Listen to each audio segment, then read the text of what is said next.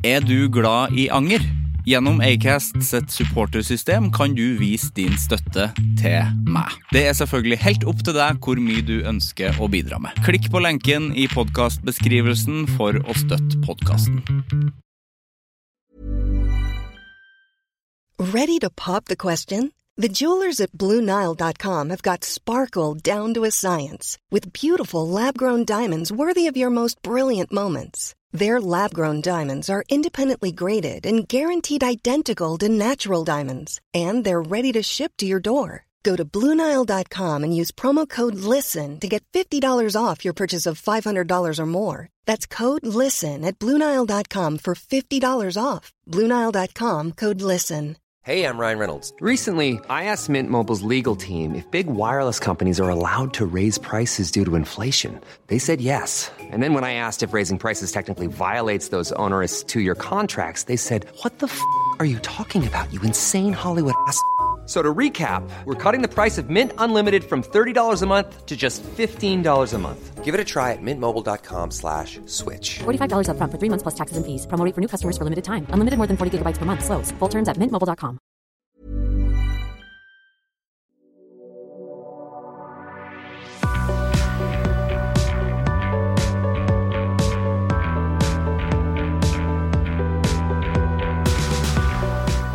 Jeg snakker jo veldig ofte om uh, hukommelsen min, og at den er dårlig. Og det er den. Jeg husker lite, og jeg husker mindre og mindre for hvert år som går. Og det er liksom både eh, betryggende, eh, fordi at jeg skaper jo nye minner her jeg, her jeg går rundt i verden, og, her jeg sitter i verden. Jeg går ikke bare, jeg sitter òg veldig ofte. Sitter litt for mye. Eh, og har jo snakka om at ofte så Hvis man husker ting fra barndommen, så er det sånn at du har sett du, Da har du ofte sett bilder av det, er jo min tanke rundt barndom og hukommelse. Men eh, det er én ting som jeg husker veldig godt, som jeg vet at det ikke fins bilder av. Og det er første gangen jeg smakte baconost. Første gangen jeg smakte baconost. Jeg er veldig usikker på hvor gammel jeg var, eh, men jeg lurer på om jeg var kanskje 13. Eh, 12-13, kanskje. Jeg var, var ganske stor før jeg smakte baconost. Eh, Jeg hadde eh, sett en kompis, eh, han husker jeg hva heter, han heter Håkan. Han hadde på brødskiva, og så så jeg sånn Jeg skjønte ikke hva det var. Så jeg snakka med mamma og sa Håkan har baconost på brødskiva, kan vi, kan vi kjøpe det? Og så kjøpte vi det, og så smakte jeg det. For jeg var, det skal sies at jeg var veldig kresen på mat eh, da jeg var liten. Og egentlig helt fram til jeg var sånn 1920.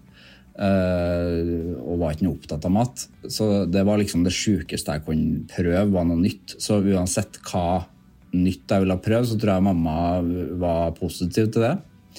Eh, og så smakte jeg det, og så husker jeg så godt at det var noe av det beste jeg smakte i hele mitt liv. Baconost. Eh, og det er et minne jeg har, altså, at jeg smakte baconost. Og, og åt jo sikkert bare det i mange år. Uh, jeg slutta jo med det, til, jeg slutta jo med det da. Uh, og det er hvis jeg spiser det nå Jeg kan ha det på rugsprø hvis jeg er på jobb og ikke gidder å ha noe annet. Men det er ikke en sånn wow-opplevelse når jeg spiser det. Jeg syns fortsatt det er godt med smørost, men det er ikke en sånn jeg har ikke noe som minne jeg tenker, jeg tenker på det første gangen jeg spiste det, når jeg spiste det, men jeg tenker ikke at det er det beste i verden lenger. Sivert Mo heter jeg. Velkommen til Anger.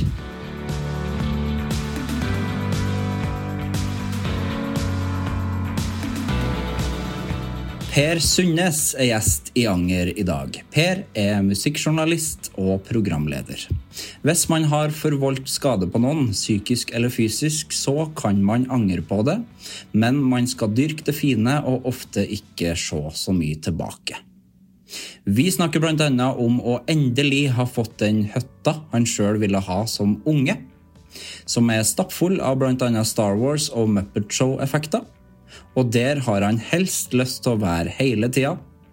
At klassisk musikk er vugga til rocken, og at den slettes ikke var forbundet med stivpynta folk og overklasse før i tida. Og at klassiske musikere fra Norge i utlandet blir altfor ofte oversett av norsk presse. Hans kjærlighet til burgerkjeden Max, og da han ble introdusert for fastfood i London for første gang. Om da han jobba fire år som lærer i videregående, og hvor sterkt inntrykk det gjorde på han, og det sterke inntrykket han gjorde på elevene. At han er streng, men det av kjærlighet, og vil at mennesker rundt seg skal lykkes om da han virkelig tok tak i det store problemet med at russen utsatte yngre elever for hets. Om at han bestemte seg veldig tidlig for å flytte til London, og at drømmen om London viste seg å være akkurat som han så for seg. Om å ha mista flere nære rundt seg den siste tida, men å kjenne at han ikke har noe uoppgjort med dem. Den utrolige reisen han var med på med Alexander Rybak i Eurovision Song Contest, og en god del om å ha sett Nirvana live og ha fått seg Kiwi-shorts. Nå starter vi.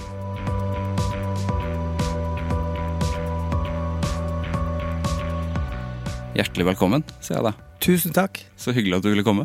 Og for en fin plass. Veldig fint her. Ja. Og i dette været. Ja, varmt. Varmt. Og jeg som eh, en stuttjukk bodøværing, jeg kler jo av meg. Altså, det var like før jeg kom i speedo. for så herlig er det. Ja. Og at når du ser utover eh, Oslofjorden herfra, Ja, det sånn, ja, så tenker jeg nei, det er fint i Oslo. Jeg savna ikke så mye nordpå når det begynner å bli sånn her. Nei, det jo ikke. Hvor lenge har du vært i Oslo nå? I Hvor mange? Et par og tjue år? Ja. Ja. Og så før det så var jeg Jeg har vært litt sånn eh, nomade, så jeg var først i, i Bodø til jeg var 18, og så var jeg i militæret på Andøya, og så gikk jeg journalistikk, og så flyttet jeg til London og var der i fire år, og så, ja. Ja. Og så tilbake til eh, Bodø, for jeg skulle inn på hovedfag, da, eller master, Ja. i, i London. Og så ringte noen fra NRK, og da var jeg solgt. Ja. Da flytta jeg til Oslo, og så bodde jeg her på vestkanten, da, på i Inkognito terrasse, som det heter. Å ja, så du, du kjenner deg Du føler deg hjemme her? Egentlig ikke. Jeg er litt Jeg tror nok jeg er en blanding av alt. Sånn at nå bor jeg midt imellom Eller jeg Ja. Jeg bor på eh, St. Olavs plass, eller like ved der, og det er litt mer sånn kunstnerisk. Ja, ikke sant? Ja. Har du bodd mange plasser i Oslo, da?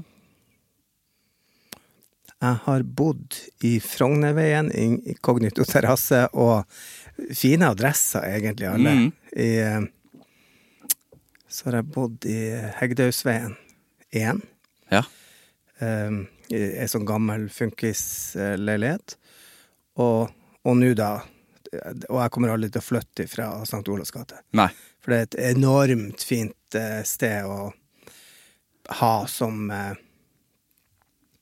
Ja, midt i byen.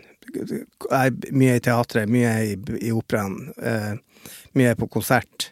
Sånn at jeg kan gå Så jeg bruker å lyge og si at det er for at du sparer så mye taxipenger på Pose sentralt. Ja. Og det stemmer jo egentlig ikke. Nei. Nei, for det hender jo at jeg tar taxi fra operaen. Selv om jeg nå, sist søndag, så gikk jeg faktisk hjem. Ja, ikke sant? Eh, og det skjer ikke så ofte, men eh, eh, Men da var jo været sånn som det er nå, da. Så at, at da Altså, det finnes jo ikke vær, det finnes jo bare dårlige klær. Ja, det gjør det. Som mamma sier. Ja. Syns du det her er for varmt, eller er det, altså, hva er din temperatur, eh, favorittemperatur? Nei, jeg kan være overalt, bare så lenge jeg ikke må til eh, naboene her i Saudi-Arabia eller Dubai og sånn. Ja. så, så er jeg kok fornøyd med Jo, jeg liker meg godt i varme Altså, jeg vet å kle meg, sånn at du kan jo kle deg for alt.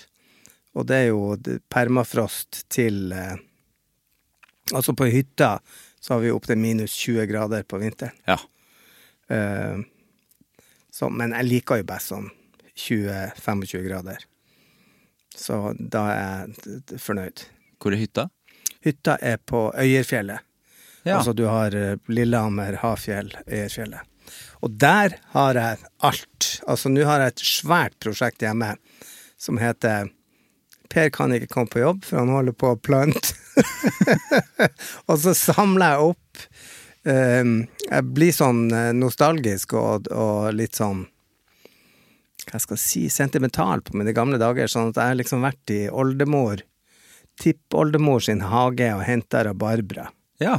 som jeg nå har oppe der. Og så samler jeg fra både svigerinna og fra mamma og fra alle hagene til alle Ja. eh, blomster. Ja. Så når jeg går på hytta rundt der i lag med mine høner Har du høner? Ja, selvfølgelig har jeg Men jeg har så mye unger rundt meg, sånn at eh, du er nødt til å Altså, jeg vil Jeg har laga liksom den hytta som jeg sjøl ville ha som barn Ja. med at jeg kjøpte opp alt av litteratur og barnelitteratur, da. Mm. Jeg har alle lekevarianter, ikke sant, ifra fra Muppet Show til eh, ja, opp igjennom tida, så har jeg liksom jeg samla Pink Panther og oh, ja. Så jeg har alle de bamsene, så jeg har egentlig lyst til å lage en installasjon, for at det er så innmari kult. ja. Det høres veldig fint ut. Og så vet ikke ungene helt hva det er, ikke sant? for de er så små. Ja. Så Pink Panther har jo ikke noe resonans i en femåring, seksåring i dag. Men for meg så er det jo superspesielt, og Kermit the Frog har jo heller ikke noe Nei, de vet ikke hvem det er, da. Men de vet hvem Mandalorian og, Ja. og så videre. Så det er jo fullt av Star Wars, det er fullt av Så du har en baby grå, han eh, Yoda, han Ja. grå, Grogu? Ja, ja, ja, selvfølgelig har jeg Grogu. Jeg har Grogu i alt. Og så har jeg Darth Vader. Jeg har alt jeg har utkledningsrom, ikke sant. Jeg har ei kiste full av ting og tang, og så Nå er det blitt så gærent at nå måtte jeg rydde bort alle påske påskeutkledningsklærne, sånn og finne en annen plass. Jeg har ikke funnet ut hvor jeg skal ha dem, men eh, for at det blir så fullt Ja, ja. overalt at eh, når de kommer inn på liksom i jula med påskepynt, så det går ikke. Så nei, det er min store lidenskap er den hytta og den hagen og Det høres ut som et drømmested. Ja, ja, og Ja. så er det helt isolert, så det er ingen som ser inn, og det er ingen som eh, kommer opp dit, og det er ikke noe hyttelandsby eller noe Nei. som helst. Sånn at du kan liksom gå naken der hvis du vil. Ja. Det, det er ikke det jeg er mest lyst til, men eh, eh, Gå naken rundt med alle Star Wars. ja, alle- nei, det er, på, det er jo på det ene rommet. Også, Det er det rommet. Så det, det sånn, det som er interessant også, er jo at det er sånne historier om den hytta, for den ble bygd før krigen. Ok. Um, så det er jo da min mann som kjøpte den med sin daværende kone Ja. for mange herrens år siden. Uh, og de hadde egentlig ei anna hytte som de var veldig begeistra for og hadde gjort masse med. Men så insisterte disse her folkene på at dere skal ha den. Ok. Um, og så ble de litt sånn der i stuss. Ja, ja, men da må vi dra og se. Og så kommer de jo dit, så er det jo paradis. Og så skjer jo det som skjer, er jo at de blir skilt, og vi blir sammen. Og så kommer jo jeg opp når alt er ferdig. når alt er planert ut, ikke sant. Jeg kan bare begynne å plante mine planter. Ja. Eh, men det er utrolig. Altså, det er et sånn overflødighetshorn av eh, det, Alt er der. Og jeg er veldig lite sånn Altså, jeg bodde i, i, i, i London i, i fire år, og jeg reiste verden rundt og intervjua popstjerner. Eh, og jeg tenkte at jeg er litt mer sånn Tokyo, Tibet, Dalai Lama enn Ja. en hytte. Eh, for vi, var mye på hytte da jeg var liten, men det var det liksom utedo og alt mulig. Ja. Mens nå er det liksom alt. Alt er der. Du har internett. Jeg kan sitte og jobbe der, ikke sant. Ja, Det er ikke utedo. Nei, Nei. det driver vi ikke på med. Eh, Folk, jo folk syns at det er sjarm og sånn. Det skjønner jeg ikke. Det, jeg skjønner ikke helt. Jo, men de har ikke vært det. Nei, det er Altså, akkurat nei, det. Sant? Det er jo akkurat det at jeg jo sittet på de utedassene hele mitt liv. Ja. Eh, eller hele min barndom. Og det er klart at det, var sjarmerende da, men nå finnes det jo andre alternativer. Det finnes jo vannklosett. Ja, og så tenker jeg jo også de andre alternativene ikke er så veldig gøy. Men eh, nei, det er liksom Nå går jeg bare og teller ned til der siste sending på NRK, og så skal jeg rett opp dit, og så han, mannen min lege, da, og sa han at han har han jobba to uker på, og så jobba han ei uke, ei uke fri, og så, ja, og så videre og så videre. Så Mm. det er bare plotta inn alle de friukene, for da får jeg alle mine venner oppover. Ja. Så Sånn fint. at vi kan eh, Så slipper han å høre på gnålet Mm. vårt. Ikke det at han har noe imot det, men, men det er bare liksom sånn. Og da kan vi gjøre akkurat hva vi vil, uten å ta hensyn til han. Ja, ikke sant. Så det er der du helst vil være. Ja. tenker på den hytta. Jeg ser når du snakker om den hytta, det, du, det ser ut som du er der. Ja, ja, ja, og jeg skal i på fredagen så skal jeg dit etter å ha hatt en konsert med KORK. Ja. Men da liksom kommer jeg jo ikke opp før midnatt, men det har ikke noe å si. Det, jeg skal opp og redde blomstene som har kanskje tørka, Ja. siden det har vært så mye sol og, og så videre. Så eh, Nei, det er livsverk. Det er utrolig artig. Og, og folk får det jo med seg av, av de som kommer på besøk. Så jeg har jo en veldig sånn utvida familie av nieser og nevøer med sine barn, ikke sant. Jeg er onkel Per for alle. ja. Ikke sant? Og så er jeg beste-Per for disse her stebarnebarna. Eh, og de alle forstår jo at jeg legger mye innsats i den hytta. Så hver gang de kommer, så er det jo noe nytt. Ja. Om det er en ny Star Wars-effekt eller ja, effekt eller hva det er, så, så eh, blir de jo begeistra. Jeg tror jo Vi skal ikke undervurdere barn og barndom. Nei. Jeg har jo veldig sterke minner sjøl fra alt. Ja, er Star Wars med fra barndommen din? Ja, Ja. jeg så jo første på kino. Du gjorde det, Ja, jeg er så gammel at uh, det gjorde jeg. Og jeg hadde egen gateavis uh, hvor vi anmeldte Star Wars. Ja? Ja. Ja, jeg og ei venninne i klassen min, Ja. for hun var like vill som jeg var etter det. Og det var litt før det tok av. Og tenk hvor sur jeg var når jeg så at de skulle til Finse, Ja. og jeg fikk ikke lov å være med. Nei.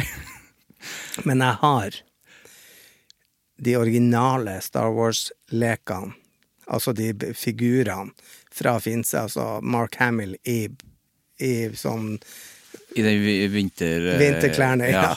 Ja. Shit. Jo, jo, og det er jo sånn der han eh, Som jeg hadde på hytta, Ja. og så fant jeg plutselig C3PO uten ei arm. Å nei. Jo, og da bare sånn Nei, de skal hjem, og nå bor de i en monter hjemme. Ja, de gjør det, for Ja. det jeg skulle til å si. Ja. De, de er ikke for å leke med de. Nei, Nei. men det kan de få, de her nye Star Wars-lekene. Ja. Og har masse sånne eh, Jeg liker de her Ewokene. Ja. De er søte. Eh, ja, og de har jeg sånne bamser som snakker. Ja. Og det er jo også helt eh, enestående. Så eh, Nei, det er plassen, liksom. Det er der jeg vil være, og det er der jeg ofte er, og der kan jeg gjøre hva jeg vil. Det eneste er at jeg, jeg tror jo også det er for at jeg er litt lat. At jeg vil heller være i hagen enn å gjøre det jeg skal gjøre. ja. Altså sitte på PC-en og jobbe. Men det er jo aktivitet å være i hagen, da. Jo, jo, jo, men altså, jeg sier ikke sånn lat, men Nei. sånn, ja, at det er bedre det enn eh, Enn arbeid. Ja, Ja. så Men ja, fordi den første Star Wars-filmen, de hadde vel ikke sånn trua på at det skulle bli en, en sånn stor franchise? Nei, nei, nei, nei, og det tror jeg aldri at noen tenkte. Nei. Og jeg hadde jo, det var et blad da som heter Poster Mm. fra Sverige, eh, som trykte opp sånne, så jeg hadde jo det eh, bildet av eh, alle fra Millennium Falcon på, på veggen. Ja. Uh, og jeg tenkte jo det her kommer til å bli greia. Og så kom det en film etterpå da, som heter Battlestar Galactica, som ble da Ja, den serien. ja. Men det var først en film. ja. Og så tenkte jeg å ja, nå kommer det en hel runde med alt sånt, men den var jo ikke så artig. Nei. For de klarte ikke det. En eventyr Nei, det var ikke så spennende, den. Nei. Sånn at uh, Men så kom jo de andre litt etter litt, og ja, så jeg storkosa meg jo med at Disney har kjøpt det og pøsa ut. Ja, Så du, du følger med fortsatt? Ja, Ja, ja. er du tullete? Selvfølgelig gjør jeg det, men ganske alene. Ja. Eller det vil si at han faktisk han, han som jeg bor med, jeg var ikke interessert i Star Wars som per definisjon, for det var hans barn. Eh, Så han tenkte at det var litt sånn barnslig, men jeg syns jo Mandalorian klarer å gjøre det litt mer voksenaktig. Ja, det synes jeg også. Ja. At det er mye mer sånn relevant. At han ble grepet av det. Ja. Og så jeg, jeg koser meg glugg med, med alle de. Og så er det jo noen som ikke er så gode som de andre. Og så, ja. så jeg er jo sånn den, eh, Jeg blir jo veldig sjalu når jeg så at Renate, Renate Reinsve ja. Skal spille med Pedro Pascal, ja. Ja, Mm. nå Altså, tenk hvordan det, livet liksom bare tar noen svinger, Altså. Ja, det er helt vilt. Ja. Det har gått så fort, da. Ja, ja, ja. Men, og eller hun har holdt på. Ja, hun har jo det. ja. Men uh, etter eh, 'Verdens verste menneske', så Og det syns jo jeg er veldig Det er jo veldig fortjent.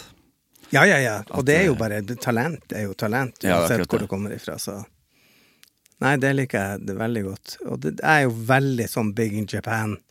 At jeg er veldig opptatt av hva som skjer med nordmenn utafor landet. Ja. Sånn at eh, Og nå er jeg jo gått ifra liksom å være liksom popnerdete til å bli mer sånn operanerdete. Ja. Så vi reiser jo rundt da og, og følger med på Lise Davidsen og ja. Elisabeth Teige og disse som gjør det svært i utlandet. Har den interessen bestandig vært der, eller?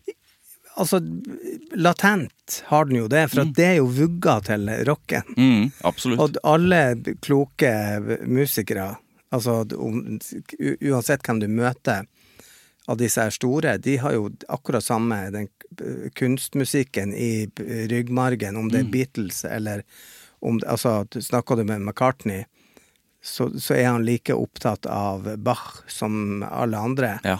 For de forstår jo liksom at det, er, det kommer fra en plass. Og de var jo sin tids rockemusikere. Absolutt. Ja, så de var jo steine hakket tullete alle sammen. Ja. Mens vi har gjort det til noe sånn hvitsnipp og sånn, og nei, du må ha lakksko og smoking for å gå i operaen. Ja. Mens jeg var på La Scala for noen år siden, så Ringen um, av, av Wagner. Mm. Og så um, og så er det La Scala er jo oldtids, sånn at vi hadde leid en sånn losje, for vi var en hel gjeng med sånn koko-folk fra Oslo, med litt kunstnere og litt politikere og ja Fin blanding, men alle med gleden av Wagner. Så vi sitter i en sånn losje, og så ser du deg rundt, ikke sant, for på gulvet så sitter Bermen på toppen står Bermen, ikke sant? Og så er det disse losjene rundt. Og da forstår du litt sånn hvordan det var i gamle dager, for da var liksom Operaen var jo datidens eh, popmusikk eller festivalmusikk. Eh, sånn at eh, vi satt jo der, og da var det, det ikke gardiner nå, men før i gamle dager så var det gardiner så du kunne trekke før, sånn at du kunne ha det. Å ja, var det Ja, det? ja, ja, ja, ja, ja. Altså, det var, altså, det var Du, du for på lokalet, liksom. Ja. Men det var liksom opera som var, det var greia, liksom. I, I Italia, da. Og Italia har jo en opera per veikryss, altså like mye som vi har bensinstasjoner. Ja. Så har de opera. Sånn at det var jo helt sånn utrolig å, å følge med på dette. Og bare se hvordan du måtte ha sett ut da. Ja. Hvor de bare trekker for gardinene, ikke sant.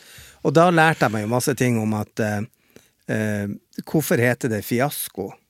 Jo, det er for at eh, i, i gamle dager så var det sånn Eller ikke i gamle dager, det var jo opp til min tid òg, så var det ei flaske som hadde strå rundt seg. Mhm. Så de kalte for fiasko, med vin. Ok. Ja. Så når folk ble misfornøyd, så kasta de de på scenen. Oh, ja. Så dermed så heter det fiasko. Jøss. Ja. Traff de folk, da? Med de Ja, ja, ja. ja. Men det gjør de jo ennå. Ja, Så ja det, det er ikke lenge siden David Bowie og jeg fikk en kjærlighet på pinne i øyet, så Det, jeg, det husker jeg så godt da det Ja. skjedde, for jeg, jeg syns det var så utrolig godt uh, kasta. Ja. Og treff innpå hvit- Inni øyet. Ja, ja. Jeg husker hun sto fram i avisa for noen år siden og sa at det var meg. Ja. Ja, Hennes claim var, to var fame. stolt av det. Stakkars David Bowie. Ja. Um, men ja, fordi Wagner, hvis man liksom hører på tyngre rock eller metal, så hvis, og du hører på Wagner, det er jo det, er jo det liksom. Det er Absolutt. beinhardt. Ja, ja, ja, ja, ja. Og det er jo Altså, det er jo så grandiost, og vi reiser jo Vi valfarta jo til uh, Bayreuth, som er hans eget teater, ikke sant, så, og hans eh, Hvor han fikk en plass, og så fikk han bygge seg sitt eget teater, Mm. som er sånn tortur. Fordi eh, ringen er jo så lang. Ja. Altså, den varer jo i 15 timer i løpet av ei uke. Altså fire det dager. Ja. Og så må du gå i smoking. ja. Så det må være stivpynta. Nå ser jeg at jeg har sluppet litt opp. Altså det, altså, det er så svært at Angela Merkel åpna det. Ja. Og hun jo, har jo, hadde jo litt flere undersåtter enn de norske politikerne har. ja. Um, uh, og, og det er bare helt sånn enestående. Så nå var det jo Hvor mange nordmenn Det var tre nordmenn på scenen, og så var det e- ei i orkesteret. Så vi hang jo med dem hele tida, så vi fikk jo all sånn inside. ja. Og der, der har Wagner gjort sånn at du må sitte på steinharde stoler for at, på grunn av akustikken. Orkesteret sitt under scenen. Ja, det er under, ja. Ja, for at han vil ikke ha det. Det skal ikke vises. Nei. Og det er for at det skal komme opp liksom sånn, den der magiske, og det er jo magisk. Så, så de kan jo gå i shorts og, og singlet. Ja, for det, de vises ikke i det Nei, hele tatt. de. ikke det hele tatt. Nei. Og så er det jo sånn at det blir jo opptil ja, 32 grader ute. Ja. Så du kan tenke deg der inne uten aircondition, du sitter på steinharde stoler I smoking. og svetter. Og til slutt så går du inn liksom i sånn der han, eh, Jeg vet ikke, du går inn i en sånn transe for at, for, for at det er så varmt, og det er så fint, ikke sant, og det er så mange ting at det er Nei, enestående. Så nå når alle de norske gjør det så bra der nede, så blir det jo ekstra artig. Så, så igjen så er jo jeg opptatt av det Ja. at vi har et nivå som er enormt, både i popen og i, i klassisk musikken, som blir eksportert, og så er vi dårlige å promotere det her hjemme, da. ja, for det skulle jeg til å si. Det er jo veldig lite fokus på det. Ja, eller nå, Lise Davidsen får nå sitt. Ja. Ja, sånn at hun er jo en av de, men, men det er flere som er helt eh, Som blir sett av disse store operahusene og blir hyra på lange kontrakter. Så eh, det syns jo jeg er strålende. Og så tenker jeg sånn sånn hva, Altså, jeg har gjort masse konserter hvor jeg har vært konferansier, Mm. og så kommer alle og sier etterpå 'herregud, jeg trodde ikke jeg likte opera, men jeg liker det nå'. Og så er det sånn, hallo, dere kan så mye om opera. Altså, hva er Champions League-hymner? Mm. Ikke sant? Det er opera, det. Ja, Ja. ikke sant? Og det tenker man jo ikke på. Nei. At uh, Sadok the Greek, og det er når han King Charles ble krona, så spiller de jo den. Ja. Og så blir alle sånn Hæ, hvorfor spiller de Champions League-hymner? Ja. Har ikke noe med det å gjøre. Nei. Ja, sånn at det er litt sånn Jeg tror at vi er litt sånn Jeg tror det har med geografi å gjøre. Jeg tror at vi som kommer litt uh, nordifra uh, vi, Når vi for på klassetur, så for vi på McDonald's, siden man ikke hadde det sjøl. Ja, ja, ja. Vi gikk ikke i operaen. Mens i Nederland og i Belgia og alle disse mindre, hvor det var kortere vei og ikke så dyrt å reise, de fikk et helt annet kulturelt utbytte. Så det håper jeg jo kommer til å snu litt også nå når vi har fått operahus i hele Norge. Ja, det er sant. Jeg husker da McDonald's var eksotisk. Det, Ja, ja, Det var jo men det det var jo bare liten. ja. Så det var jo sånn, også når jeg var i, i, i studerte i London, så hadde jo jeg aldri vært på Burger King, eller, og de hadde jo Wendy's, og de hadde Ed Ja. Steiner og alt mulig. Så jeg satt jo, og jeg studerte med noen amerikanere og sånn, så jeg måtte jo sitte og se hva de gjorde. ja. For de hadde jo sånne ritualer i forhold til hvordan de åpna ting, og hva de hadde oppi ketsjupen, og så videre. Så det syns jeg var eh, enestående å, eh, å oppleve. Sånn at jeg, jeg ble jo veldig begeistra for den eh, fastfood-kulturen, og det vises jo fremdeles at jeg ble- aldri en feinschmecker selv, og det irriterer en del folk rundt meg. ja, det gjør det. Ja. Altså, jeg har jo en mann som elsker alt som er eh, Ja, vel tilberedt. Ja. Mens jeg syns ingenting er bedre enn eh, en, en Max Burger. Det er Max Burger som er favoritten. Ja, Ja. og det er sånn, og, og det har han forstått. Så i fjor i bursdagsgave så fikk jeg gavekort på 3000 kroner på Max Burger. 3000 kroner på. Max. en fantastisk gave. Ja, og det, og det, det er jo sånn Å ja, du har forstått det. Ja. Endelig har du, Du, forstått det. Ja. du ser meg. ja, ja, ja. sånn at det er jo noe jeg bruker Og så har jeg julebord på Maxburger med mine venner. Da. Har du det? Ja. Har, du, har du fast bord? Nei, nei, det tror jeg ikke du har lov å ha det. Men uh, det er i hvert fall veldig gøy med Bli med. Jeg har gavekort på Max Burger. Men det, det slit, jeg sliter med å få brukt det opp. Ja, du gjør det. Ja ja, for det er jo så mye annet i, i livet, ikke sant. Ja, det er jo det. Ja, så. Hva er favoritten på Max? da? Har du en eh, fast Ja, jeg bestilling? Nei. Jeg syns alt. Jeg syns denne luksus-milkshakene og, Ja, det er godt. jo, og de her sterke jalapeno-burgerne. Og, og nå er det jo litt sånn der han er Nå fikk jeg noen ideer om middag i dag, for jeg laga kjøttkaker i brunsaus i går, Ja. og ertestuing, og det, vi har rester i dag. Men kanskje jeg skal heller bestille Max Burger. Ja. For de kommer jo på døra, ikke sant? Ja, ja, ja. så det er jo også noe helt nytt, enestående. Ja, Og det gjør jeg sånn når jeg har barnebarna og sånn på besøk, så gjør jeg sånne ting. Ja. Kom igjen, nå går vi inn her, og så ser vi hva vi Som kanskje foreldre ikke tar seg råd til, men som vi har råd til. ja, det er fint, det. Ja, ja, så det er supra. Og de må dere gå ned, og så må dere tipse. Og her er tipsen, Ja. ikke sant. Vi har betalt, og så må dere tipse. Ja, men hva er tips?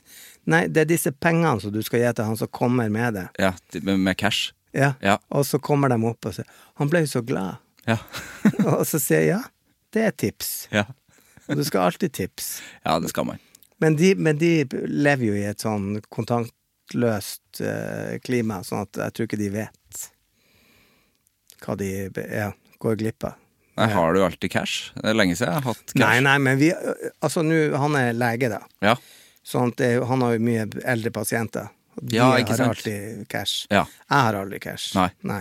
Utenom nå har jeg cash for at jeg klarte å glemme kortene mine på hytta. Å ja, der er hytta igjen, ja. Mm. Og det har jeg aldri gjort før. Nei. Og du føler deg jo som en Men nå kan du gå på Kiwi, og da blir jo jeg også så glad. For at folk har spurt meg eh, For jeg underviste i noen år, og Ja. det er kanskje det beste jeg har gjort. Og så har folk spurt meg hva kunne du tenkt deg til å gjort hvis du ikke jobba med det du gjør, ikke sant, med journalistikk og ja. Så, hadde jeg, så bruker jeg å si nei, jeg kunne godt tenkt meg å jobbe på Kiwien i St. Olavs gate. Ja. Og så hvorfor det? Nei, for det ser ut som de har det så jævlig artig på jobb. Ja.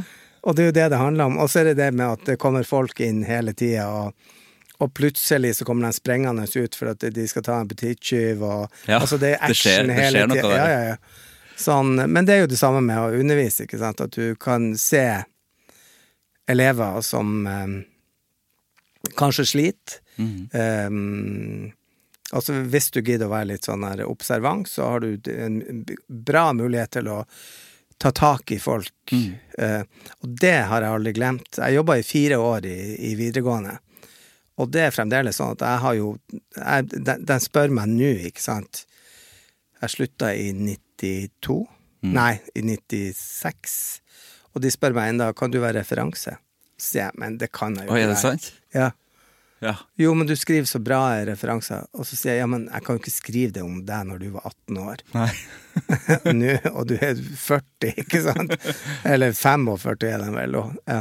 Så det var en utrolig eh, interessant opplevelse, det der med at du kan faktisk gå inn i livene til folk og gjøre en forskjell. og og, og se dem og ta dem ut. Jeg, jeg kom jo da fra et engelsk skolesystem som var basert på sånne tutorials, hvor du ble tatt ut av Altså, en lærer hadde ansvaret for deg.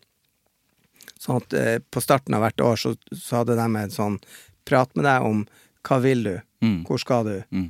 hvor, eh, hvilken karakter skal du ha. Eh, og så da, når året var omme, så hadde du samme praten. Men du fikk jo dårligere karakter enn det du ønska deg sjøl. Og det tok jeg med meg i videregående. Som var en utrolig interessant eh, eh, opplevelse. For dem ble jo sett. Ja. For jeg husker jo sjøl når jeg gikk på videregående, så tenkte jeg at alle de som ga meg dårlige karakterer, hata meg. ja, du tenkte det, ja? Ja, tenkte ikke du det? Jo, jeg tenkte. Ja. Jeg tenker fortsatt det. Ja. Ja. Og så tenker jeg, men det er jo ikke sånn det funker. Nei. Det er jo et system. At, og det er jo et system som er sånn at noen skal ha to, og noen skal ha seks. Mm. Sånn at eh, jeg tenker at jeg forsto det, og så hadde jeg kloke kolleger som jeg søkte råd hos, ikke sant. Så når jeg var i tvil, så gikk jeg til dem, og så ga jeg dem har jeg retta hva du syns, ikke sant. Ja. Og så fikk jeg svar, ikke sant. Og da, det er jo så enkelt at hvis du dobbeltsjekker òg i tillegg, at det ikke bare er min stemme som betyr noe, Mm. så um, Hva underviste du i? Jeg underviste i mediekunnskap, selvfølgelig. Ja. Og så hadde jeg noe som heter filmkunnskap, eh, som var som valgfag som jeg laga sjøl. Ja. Laga et prosjekt med Altså, elevene tror jo at film er fri, så jeg laga et prosjekt med, med kinoen i Bodø. Sånn at vi fikk se alle filmene før alle andre. Oi. Det er stas. Ja. Men så forsto jo ikke dem at de måtte hjem og skrive eh, 600 ord Nei. i kritikk. Jeg trodde bare at de skulle på kino. Ja. ja. Og det, og det det var jo også en sånn opplevelse eh, Jeg hadde blant annet han Endre Lund Eriksen, som er han som skrev Pitbull-Terje. Ja, ja, ja. Mm. Hadde han som elev, som nå jobber med, mye med film og, ja, og litteratur. Og så var det så interessant, for at han var så nysgjerrig hele tida. Og hadde da studert ikke sant, på filmskole i England. Og, um, og han spurte meg og grav, ikke sant, hvordan skal du gjøre det, og alt mulig. Og internettet var jo kommet, sånn at jeg sa det er jo ikke noe problem. Gjør det sjøl. Ja. Du skulle bare gjøre det sjøl. Så han vant jo sin første Amanda for manuset til Pitbull-Terje, ikke sant. Ja. Og så fikk jeg høre da senere at han hadde blitt invitert til eh, både jubileet til den skolen som jeg sjøl hadde gått på, og som jeg underviste på, og på sånn konfirmasjon, borgerlig konfirmasjon, hvor han dro frem meg. Han gjorde det. Ja, ja, men som, ikke sant. Det var han som så meg. Så utrolig fint, da. Som sa Jo, men så sa de tingene, ikke sant. Og, og det tenker jeg jo, han er jo en suksess. Men jeg så veldig mange andre òg. Ja. Ikke sant? Så det er jo det eh, Ja, folk som sleit, ikke sant, som hadde ja, problemer hjemme, eller Ja. Jeg var nappa tak i dem og røska og sa men vi må lage avtaler, Ja. ellers så stryker du. Og jeg driter i når tid jeg får den stilen, men den skal leveres. ja.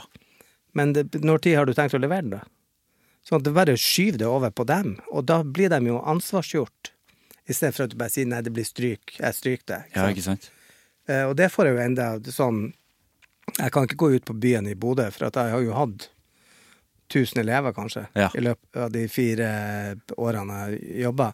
Og de har jo alle noe de skal si Mm.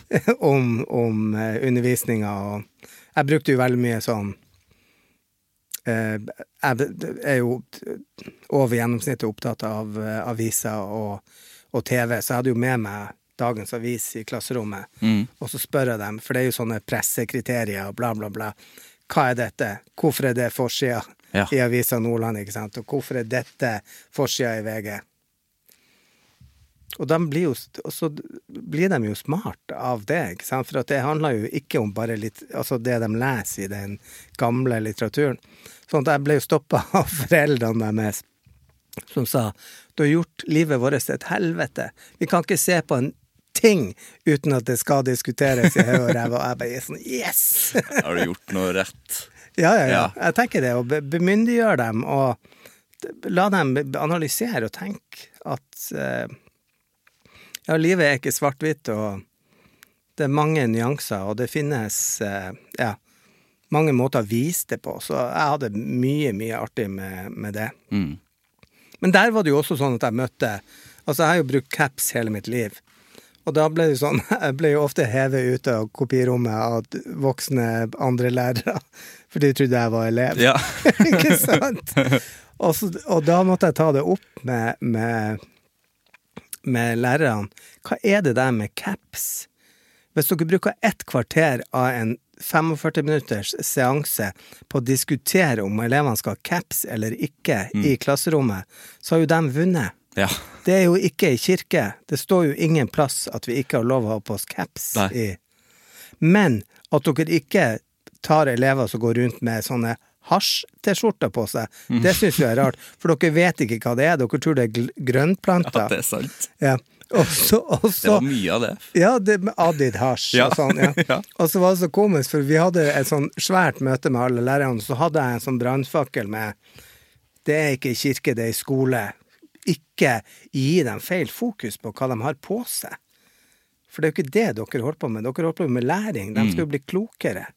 Og da er jo det en del av det feile fokuset er at dere sier at det betyr noe Ja. hva dere har på dere.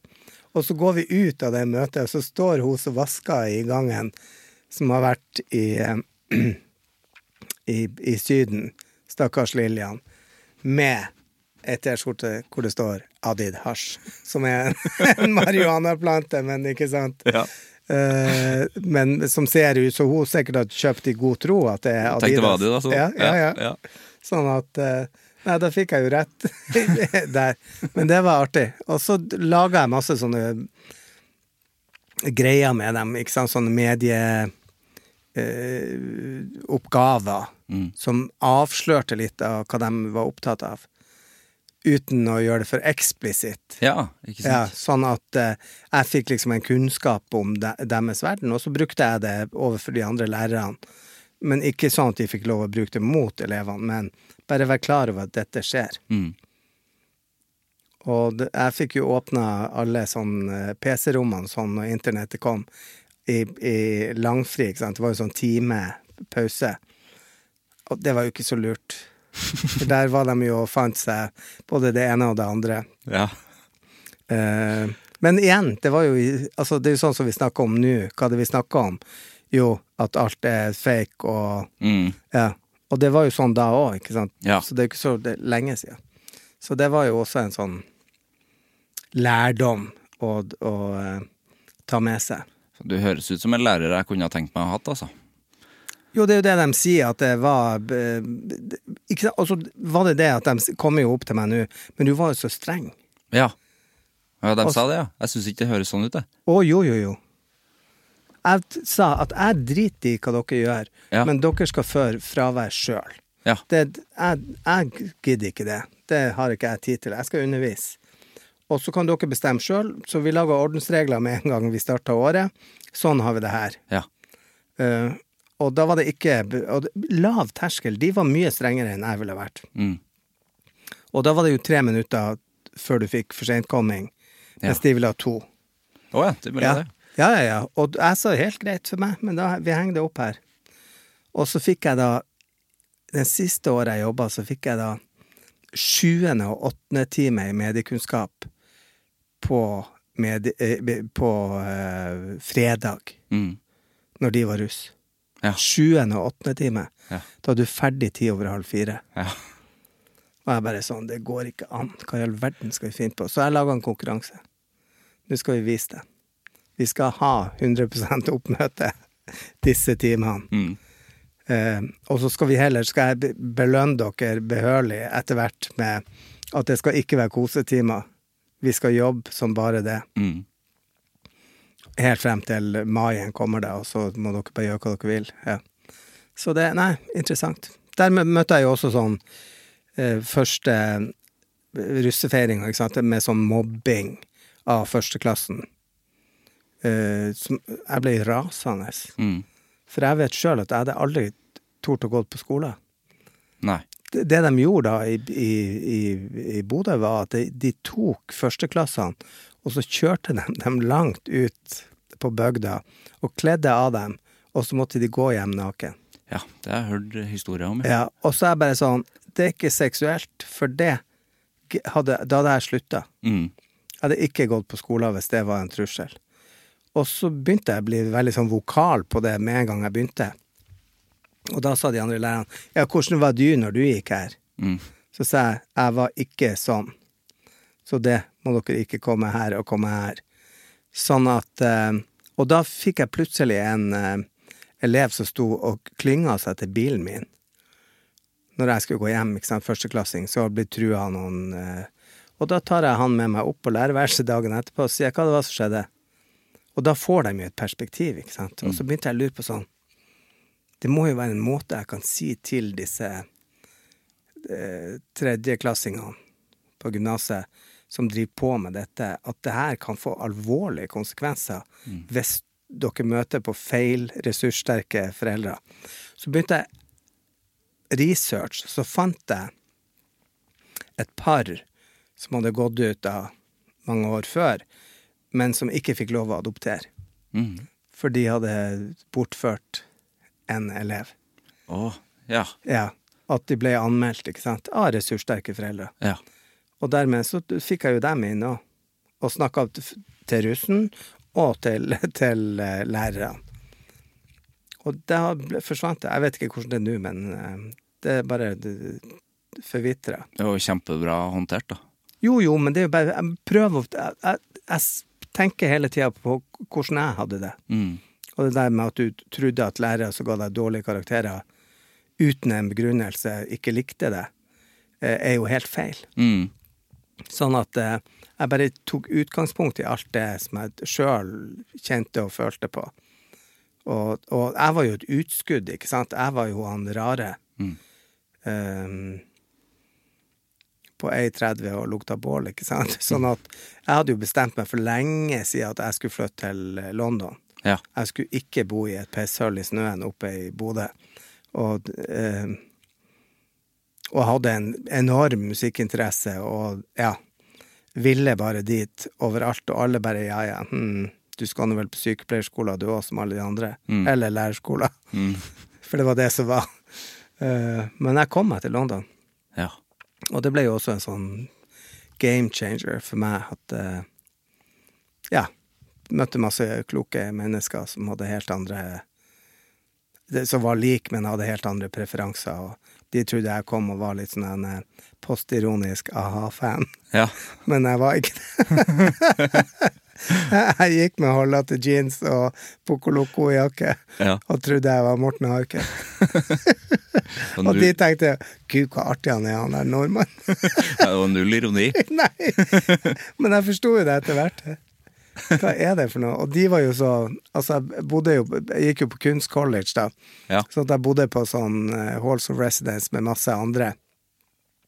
Og det er et eller annet med hvordan folk du tiltrekker deg. Så jeg hang jo bare med de som studerte mote og grafisk design og Ja. ja, ikke så mye av de som studerte kunst, men jeg fikk jo med meg alt av det òg, sånn at eh, Nei, det var livet, det òg. Og tok for meg av alt. Så Nirvana live, ikke sant. Shit. Det er sånne ting som du bare går det an Ja. på Marquee Club, og vi var på klubber. Og det var sånn hele tida at jeg måtte kjøpslå for at de her folkene som jeg gikk med, eh, spesielt sånn motestudenter, sånn, de var veldig opptatt av alle galleriene, at vi skulle på Tate og sånn på søndag morgen, Mm.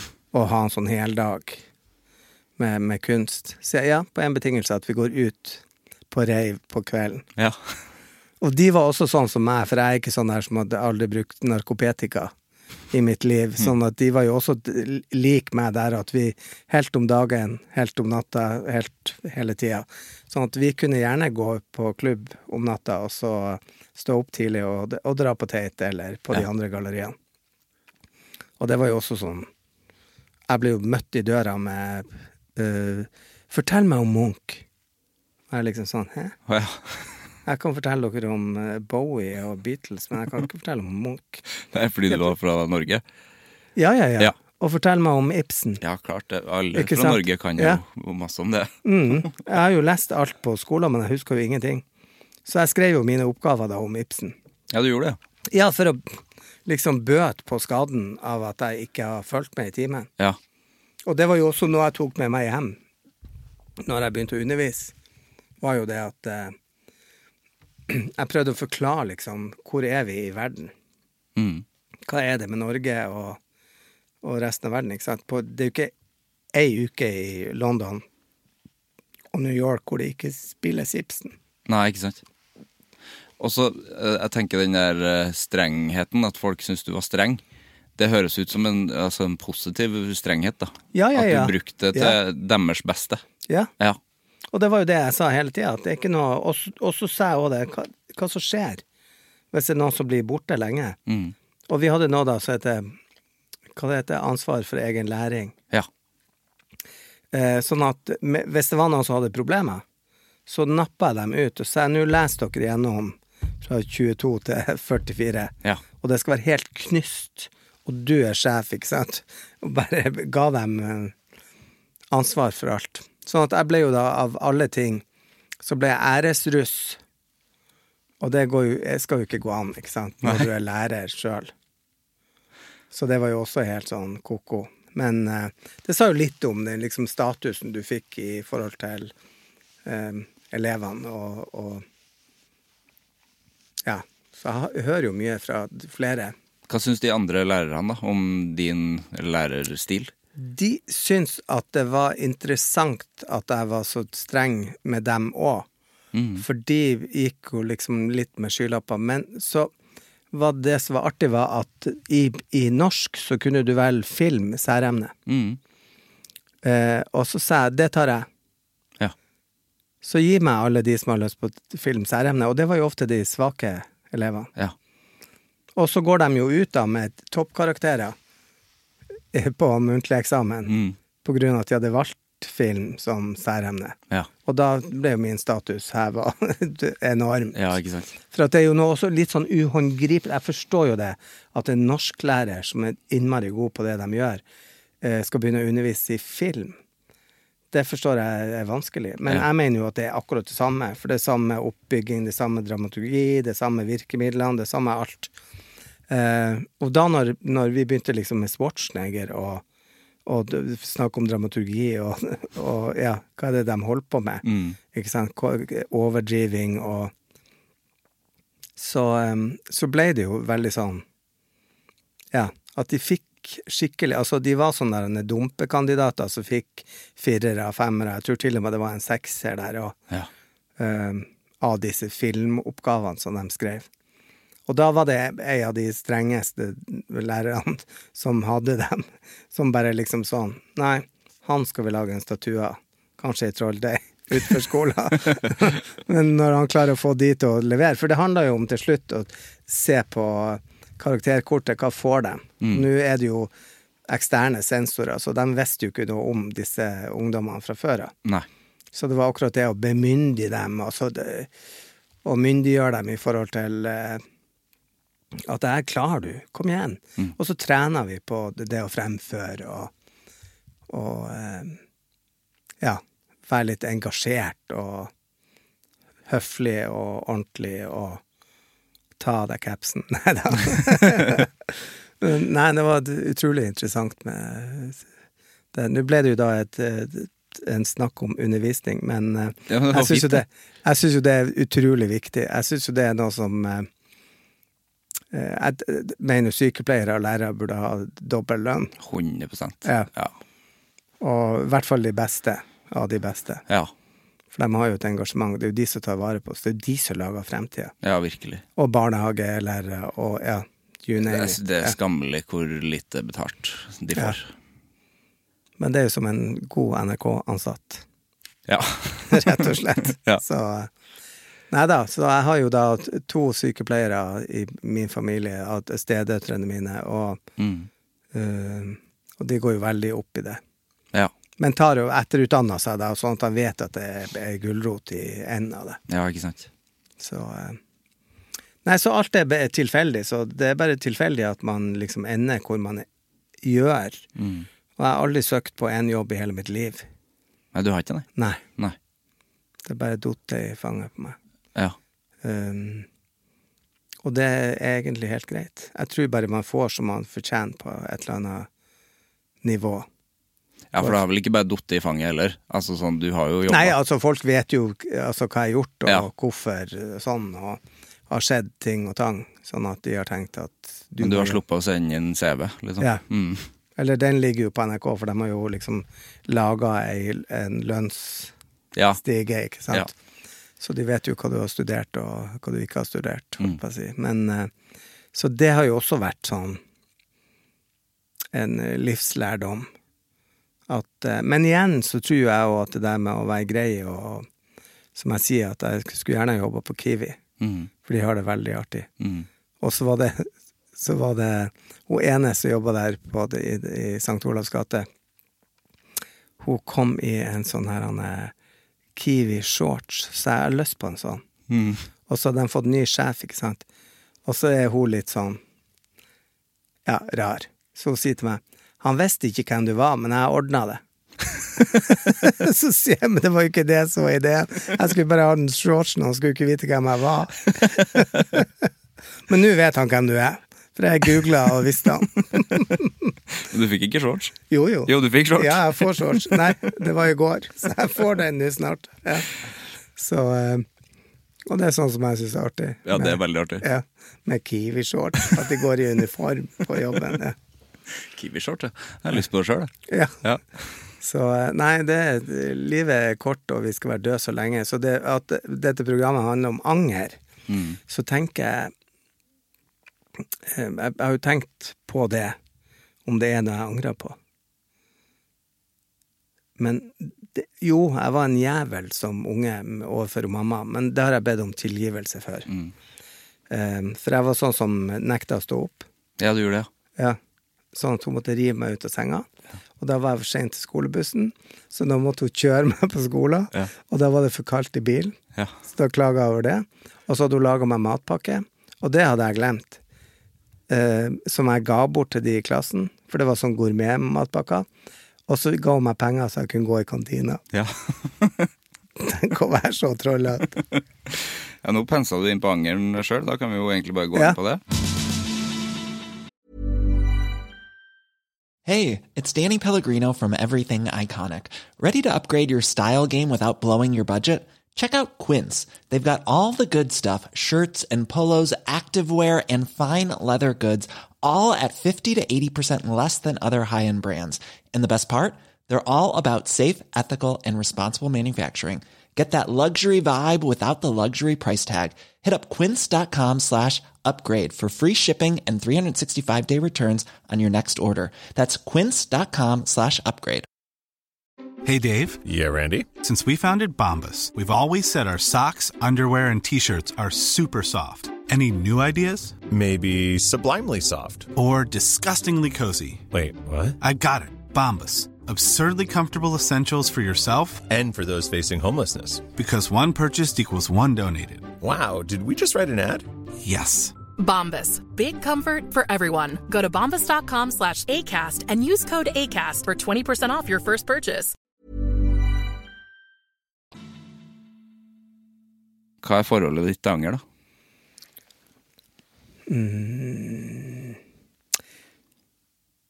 Jeg er vel blitt litt bedre med årene. Nå, de siste årene så har jeg mista masse folk rundt meg. Altså folk som har gått bort i, i selvmord eh, på, på grunn av psykisk helse, og um, ja, flere. Og folk som har dødd av uh, ulike kreftformer. Jeg mista pappa nå nylig. Og så tenker jeg Var det noe jeg angrer på? Var det noe, hadde jeg noe uoppgjort med disse? Nei. Var det noe jeg kunne ha gjort mer for de med psykisk lidelse? Så tenker jeg nei. Jeg gjorde alt jeg kunne. Jeg, igjen så kanskje det strenge greia er, er noe av det som At jeg er streng som person, og kanskje litt eh, direkte. Men jeg er det da ikke i plenum, men jeg er ofte med den det gjelder, sånn at eh, eh, han ene kompisen min som eh, tok sitt liv nå nylig. Um, jeg var han som liksom sa Nå må du til helvete få orden på økonomien din, ikke sant? Jeg skal hjelpe deg. Hva er det du ikke forstår med dette? Og det er jo ofte de Altså, jeg omgir meg jo mye med folk som er veldig kunstnerisk. Og jo mer kunstnerisk du er, jo mindre nøyaktig blir du med sånne ting. Så, um, så han ble ofte innmari forbanna på meg for at jeg blanda meg. Ja. Opp, eller han Jeg fant jo ikke ut av dette av meg sjøl. Så det begynte jo med at han serva opp en ball som jeg tok. Og så ble jeg litt hun mamma, som er ordentlig streng, hun òg, ikke sant? Og, men igjen så tenker jeg at det, det er helt greit, det. det. Du må ha sånne folk rundt deg som korrigerer deg. og men han, det var ikke noe vi kunne gjøre. Og da, vi er en hel vennegjeng som eh, sitter og er fortvilt i ettertid at, at uh, vi ikke klarte å, å redde han inn. Men da hadde vi gjort alt. Han hadde alt av psykiatri og psykologer og avrusning og berusning og altså alt mulig. Sånn at det, det var en helt håpløs affære at du bare ser at folk svinner hen. ikke sant? Og der var det jo også barn, en, en sønn med i bildet, som eh, er hjerteskjærende å se hvordan han sitter igjen Ja. nå etter det. Så det er sånne ting. Men jeg tar jo vare på grava til alle. Så nå på 17. mai så har jeg vært rundt hos alle eh, og pynta og pynta og pynta. For det er jo det jeg tror at folk er redd for å bli glemt. Ja. Og det skal nå i hvert fall jeg sørge for at i min levetid så skal nå ingen glemmes. Og det er veldig rart, for at her sørpå så har de ikke den tradisjonen. Mens hjemme i Bodø så slåss jo mamma og søstrene hennes om hvem som skal på grava. Ja. Eller at de gjør det til en sånn greie at de drar sammen. Ja, sånn er det der Ja. jeg kommer fra òg. Ja. Ja. Sånn at, men her er det ikke sånn. Sånn at jeg, blir så jeg, Ja, jeg er bare fornøyd med at jeg kan gjøre det, og så kan bare folk supplere hvis de vil. Mm. Men det skjer sjeldent. Er du redd for å bli glemt sjøl? Nei. Nei. Det tror jeg ikke. Det er altfor mye bevis i NRK-arkivet. sånn at det er ikke det. Nei, og det er jo også prøv, hvordan skal vi huske på de rundt oss, ikke sant? For det er jo én ting er jo at de forsvinner, men eh, jeg har ei anna venninne ikke sant, som eh, døde av kreft. Mm. Og har en svær plakat eh, over senga. Eh, sånn at hver morgen så hilser jeg på henne når jeg står opp. Ja. Og det var det siste hun sa til meg. Ikke glem meg. Mm. Og det er liksom eh, noe av det. Så jeg kjenner jo jeg blir jo litt beveget av å, å snakke om det, men, Ja. eh, men der også angrer jeg ikke på noen ting. Jo, jeg var kanskje litt streng der òg, men, men det er jo bare en del av min karakter, og det tror jeg folk forstår. Ja, for det den strengheten høres ut som kjærlighet. Ja, og det er omsorg, og det er jo sånn Altså, når folk er rusavhengige, så sier jeg nei, det er ikke snakk om. Får ikke fem øre hos meg, Nei. men vi kan gå på Kiwi. Mm. Så skal jeg ha handle. Mm. I shorts. Ja, i den nye Kiwi-shortsen min. Mm. Ja. Men jo, jo, men det er bare å forstå de der mekanismene Det er så enkelt å betale seg ut av ting, men å gjøre det der fysiske med å faktisk gå den turen til butikken, Ja. og så ikke skjemmes, da, av eh, at folk ikke har det bra, Mm. så blir jo dem også betrygga av Så mm, han ene som eh, tok sitt eget liv, han eh, teksta jeg med dagen før han gjorde det. Og da hadde jeg baka brød, og så hadde jeg laga ei suppe, og lurte på om jeg skulle komme til han med det. Mm. Og så sa han nei, jeg har alt jeg trenger i hele livet. Blomst. Emoji. Ja. My ass. Ja. Om du har. Men da hadde han bestemt seg. ja, det var Det- det siste. Ja, og det var så rigga, det var så Ja. Det var ikke snakk om noe ja. At, Men jeg forsto ikke det. Og det var ingen som forsto det for lenge etterpå, Nei. at han hadde tenkt å gjøre det. For han var også sånn som forsvant under radaren. Mm. Sånn at eh, det var ikke noe rart at vi ikke hørte fra ham på ei uke. Men eh, det er jo sånn som jeg håper at eh, jeg skal slippe å angre på noen ting som helst. Jeg passer jo på de rundt meg eh, som er verdt å passe på. Og jeg tenker jo altså at du må rydde litt i skuffene innimellom, sånn at du skal slippe å gå rundt og, og ta vare på folk som ikke er deg verdig på et eller annet vis. Og så tror jeg at du trenger ikke å eh, Du trenger ikke å, å du, eller du kan velge din egen familie. Mm. At du, det, det må ikke være kjøtt og blod. Og, og det er litt interessant, for jeg har en bror som, som er fire år eldre enn meg, og vi vokste opp sammen, og han var en, eh, en slem satan. Og vi hadde masse brudulje, bruduljer, ikke sant. Jeg var mye Jeg var sånn tidlig ute da, med alt. Mm. med røyking og drikking og ut på byen. Og, og han for og sprang etter meg ute i Bodø sentrum for å skulle jage meg hjem. Oh, ja. Ja. Og så, så vi, vi ble jo uvenner. Og vi var uvenner helt til han fikk flytta til eh, Tyrkia fikk seg en, en ny kone som lærte seg norsk på en, en uke, liksom. Som er helt, helt utrolig. Ja. Og så var jeg spiller i West Side Story, så en musical som jeg spilla i fjor. Ja. Og så sier mamma at nå kommer de til Oslo. Og så sier jeg ja, men da inviterer du dem. Jeg ordner billetter til dem, så at de kommer og ser på. Hun hadde aldri vært i teater, ikke sant. Så, og da nå er vi plutselig der igjen. ja. Ut, men det har ikke vært noe ondt annet enn sånn barndomstøv. Men at vi ikke har vært liksom helt på bølgelengde, og min legning og hans eh, forsvarsjobb har kanskje ikke passa så godt i lag. Men så kommer hun inn fra venstre og vet ingenting. Så utrolig fint, da. Jo, jo, jo, men det tror jeg også at det må vi bare fikse. Så det, det, jeg har et par andre sånne fikseting jeg må gjøre. Mm. Sånn at jeg kan legge på lokket i god tid. Mm. Men det tror jeg er, er det som jeg tenker med anger, er at uh, at man skal ikke angre på ting som man har gjort hvis det ikke har uh, skada andre, da. Nei. Men man skal dyrke det, det fine, og, og ofte ikke se så mye tilbake, men se fremover. Og uh, Nei, jeg, og jeg tror på skjebne, og jeg tror på tilfeldigheter. Og er så mye episoder i mitt liv som er nesten sånn at jeg må begynne å tro på en eller annen form for overmakt, overmakt, som jeg ikke gjør. Men eh, nei, veldig, veldig, veldig spesielt eh, ved ting som har skjedd meg. Men tror du det er nødvendig å angre? Ja, hvis man har vært slem og, og ufordragelig, så tenker jeg at man kan godt angre på det. Mm. Hvis man har forvoldt skade for noen, både psykisk eller fysisk, så kan man jo angre på det. Mm. Men det er veldig enkelt å, å snu det, da, og så tenke på at man eh, Altså Jo, jeg har det hele tida tenkt sånn der Anne, at folk er, be- lider under alt mulig forskjellige eh, substanser og, og, og d- angst, og at du ikke forstår helt beveggrunnen for ting de gjør. Mm. Så da snu det andre kinnet til, og fremdeles være åpen og raus og stå med åpne armer, og der er vi heldigvis to i vårt hjem, som er litt den samme. Ja.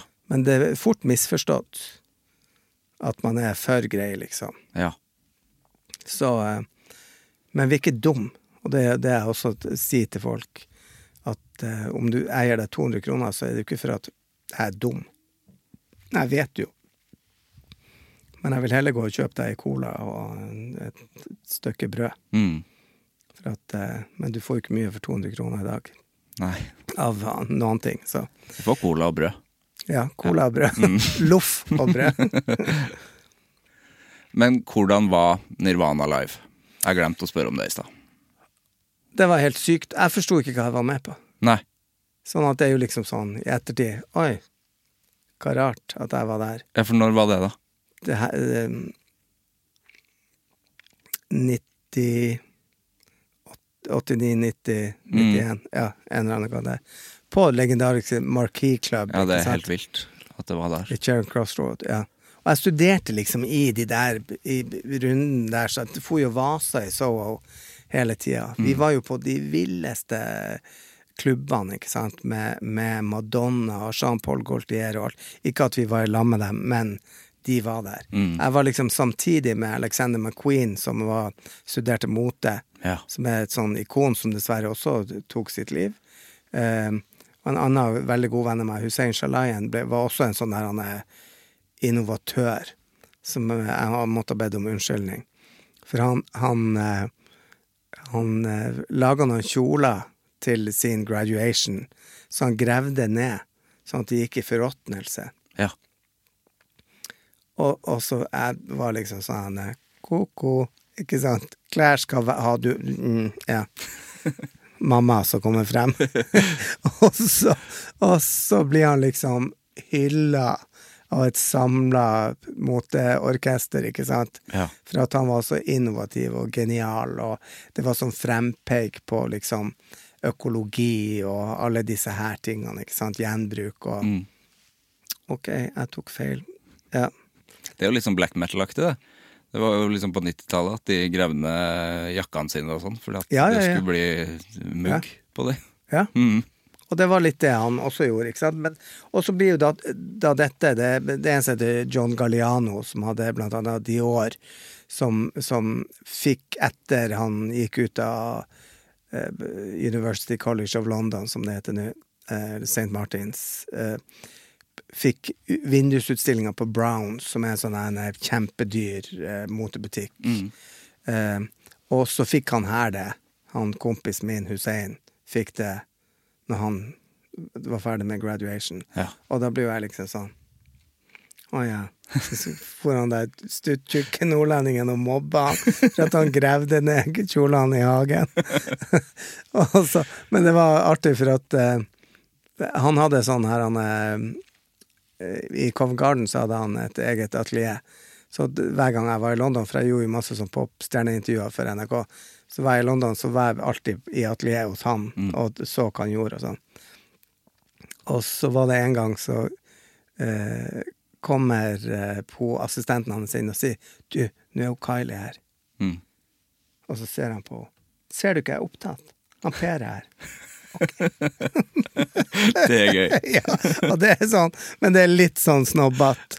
Altså, det er jo lurt for han å, å, eh, å holde på med det. Men han var sånn supertalent, ikke sant, eller er det, som blant annet Bjørk støtta. Oh, ja. Ja. Så jeg var jo helt sånn vill når jeg så på MTV Awards og Bjørk for og sprang i en sånn rød papirkjole eh, som hun snubla i. Så de måtte klippe.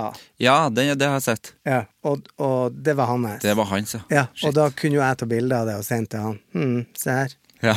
Eller var vel kanskje før eh, vi hadde telefoner med bilder. Men det, det var også innmari artig. ja.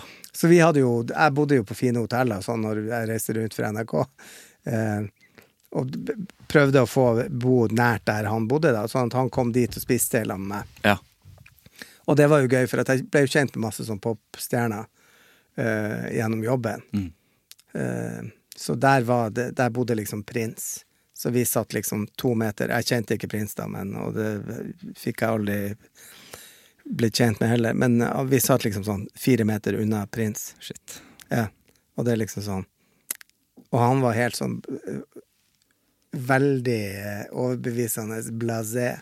Sånn at han brydde seg midt i ræva om hvem som satt ved siden av meg. Så jeg hadde jo bare lyst til å sitte og se. Så det var Nei, veldig eh, artig. Sånn at eh, jeg angra på at jeg var trollete med han. Og så var jeg vel litt trollete med Nei, det har jeg kanskje bedt om unnskyldning om. Ja. Så jeg er jo flink. Det der med å, å angre er jo også noe med at det kan man jo ta grep om sjøl. Mm. Det er i hvert fall ikke noe å gå og bære på. Nei, det kan jo bli til tilgivelse, i hvert fall. Ja. Mm. Så det har jeg også gjort. Jeg hadde en annen eh, kompis eh, som Ja, som vi ble uvenner. Og da, det klarte jeg også liksom å få patcha opp, sånn at det ble rolig. Ja. For det er et eller annet at du bærer det med deg, ikke sant. ja, for det blir jo tungt Ja. etter hvert. Og det er det jeg sier, jeg har noen flere skuffer jeg skulle rydde opp i, men det får komme Mm. etter hvert. Men jeg vet nå sånn av erfaring at eh, det går ofte bra. Mm. Det vil helst det. Det vil det. Men husker du Kurt Cobain på scenen, eller er det bare sånn Ja, ja, ja, ja, ja. ja. Og jeg tror faktisk, men det kan være at jeg tar feil, men han hadde den der grønne og blåstripete Ja, den eh, Eh, ullgenseren? Ja, så han hadde i den eh, så Han hadde i Smells Like a Teen Spirit. Ja, ja. Ja. Jeg tror det, Mm. men det igjen, det kan være at uh, your mind's playing tricks on you. Mm. Men det var sånn helt sykt å, å, å, å flytte til London, som var liksom sånn Altså, London var jo redninga for meg som barn. For det første så følte jeg på mye utenforskap, ikke sant, for at min legning Det var ingen homofile i, i Bodø. Jo, det var to. Han første som fikk hiv, og han Åse, som var en transvisitt. Ja. Og det var jo ikke noen jeg klarte å forholde meg til.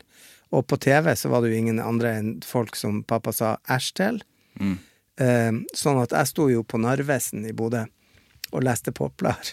Og tenkte jeg skal faen meg dit Duran Duran bor. Ja. Jeg skal til London. Hvor de kan farge håret sitt så mye de vil, og så videre og så videre. Så det gjorde jeg. Eh, og det ble bare Jeg begynte å si det liksom sånn på ungdomsskolen at jeg skal dit. Når jeg gikk med Human League på den enorme Walkman før jeg fikk meg en ordentlig Sony, Mm. eh, så var det, det var, den var så stor at den hang utenfor. Og du hadde den på brøstet? Ja, det var sånn med eh, reim rundt. Og det var ikke min engang, jeg hadde lånt den hos en kompis. Ja. Og jeg bare tenkte når jeg går inn der på Alstad ungdomsskole og tenker fy faen, jeg skal så jævlig bort herifra. Ja. Jeg skal dit Human League bor. og, og han eh, Phil Oki, som var eh, sangeren, eller frontsangeren, hadde piercing i brystvortene. Ja. Første jeg gjorde da jeg flytta til London, Ja. få piercing i brystvortene. Ikke nå lenger. Og kom hjem til mamma og sier mm, du bare tar et bånd rundt, så kan du å ha hengebryst. sånn at Nei, det var bare helt uh, magisk, det der å dra dit. Og nå så jeg at HMV, ikke sant, His Masters Voice, den Mm. gamle platesjappa, som jeg var på hele tida, har åpna igjen. Ja, ja, det så jeg. Og jeg bare sånn åh. Jeg gikk Skolen var liksom på, i, på samme gata som Oxford Street, lenger opp.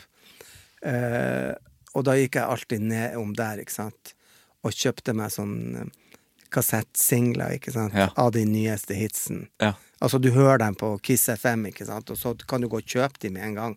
Mens i Bodø, så Jeg sto jo i platebutikkene i Bodø òg, så tar det jo liksom fem år før de kommer. Mm. Etter at de de er sluppet. Så Ja, for var London akkurat sånn som du så for deg at det Ja. var? Ja. jeg tror at i ettertid så Jo, det var helt sånn. Mm. Det var liksom en Det, var alt. For det første så var det jo en sånn en eh, veldig liberal sånn smeltedigel med veldig mange nasjonaliteter. Mm. Jeg gikk på en sånn radikal filmskole eh, hvor jeg var the token eh, Norwegian. Ja. Ehm, og så var det ja, en del folk fra sånne exis courses som er sånne som ikke hadde gode nok karakterer, som fikk komme inn. Så var det ei fra Palestina, ei fra Sør-Afrika altså. Og det var jo også en sånn brå oppvåkning fra meg fra Bodø liksom til dit, og, og de var jo så sinte og Ja. Så det eneste som jeg ikke likte, var at han kong Olav døde mens jeg var der. Mm. For jeg fikk ikke den fridagen. Nei, det er sant. Ja, for det var fridag, det. Ja, Ja. for det hadde jeg gått og gledet meg til hele Ja. barndommen. Men eh, Nei, det var Ja, London er akkurat sånn. Ja. Og den er vel antageligvis det enda, med de markedene og eh, kunsten og eh, Ja, gatelivet og maten og Mm. Nei, jeg hadde utrolig mye artig der, og hadde mye artig der etter jeg bodde der òg. Ja.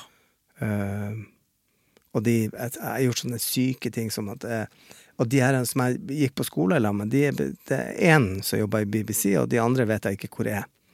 Jo, eller noen vet jeg hvor er, men det er my veldig mye lærere og sånn. Eh, sånn at jeg tar, hooka jo opp med dem. Når, når eh, Jeg brukte dem også mye som teknikk, altså teknikerne på skolen brukte jeg som fotografer, sånn jeg gjorde som på oppstjerneintervjuer. Ja. Og så var det en gang jeg skulle gjøre intervju med Christine Aguilera. Eh, og det var ikke på St. Martins Sanderson heter hotellet. Så var det et sånn kjempe-Porsche, nytt hotell. Og så kommer jo ikke hun kveita, ikke sant. Og det her er på en lørdag, og siste flyet går hjem klokka seks, ikke sant. Og jeg gidder ikke å reise over dit uten å få det intervjuet. Så det sier du kan få det klokka åtte. Og så sier jeg, men hvordan i all verden skal jeg komme hjem? Eh, Så klarte vi å forandre billetten min, og så sier de, og så får du suiten hennes. Oi. Og da inviterte jo jeg alle fra college. Ja. De tror jo ikke det var mulig.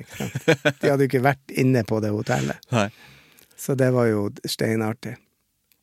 Så sånne opplevelser ja, er det jo ikke så mange som har. Men det, det er jo veldig ofte sånn at folk er misunnelige for at du har reist mye og gjort mye, men du er jo ofte alene.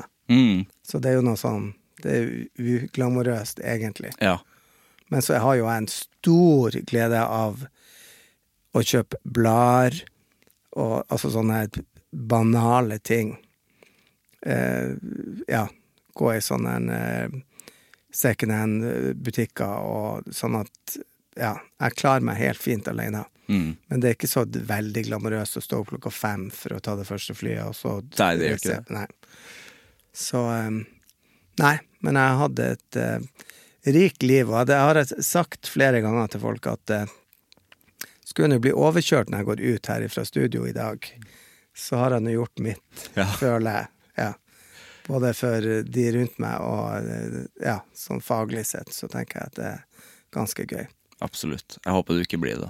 Nei, men vi satser på det. Jeg skal ha en konsert med KORK på fredagen, så det er ikke Ja. aktuelt. Og så skal du på hytta. Og så skal jeg på hytta etterpå. Og det er det aller, aller viktigste. Og så er det begynne å planlegge når skal jeg kjøpe hønene. Ja. Altså, nu, jeg gir dem bort til nabokona, og så kan ikke jeg gå og spørre kan jeg få dem tilbake når hun har dem på vinterfôr. Hvor mange høner er det? Da er det fem damer og en mann. Ja. Og det er kykkeliky og hu hei hvor- hvor det går. Det Fem egg hver dag. Fem egg hver dag. Det er jo Og kjempebra. kan tenke deg ungene hvor gøy det er for Ja. dem.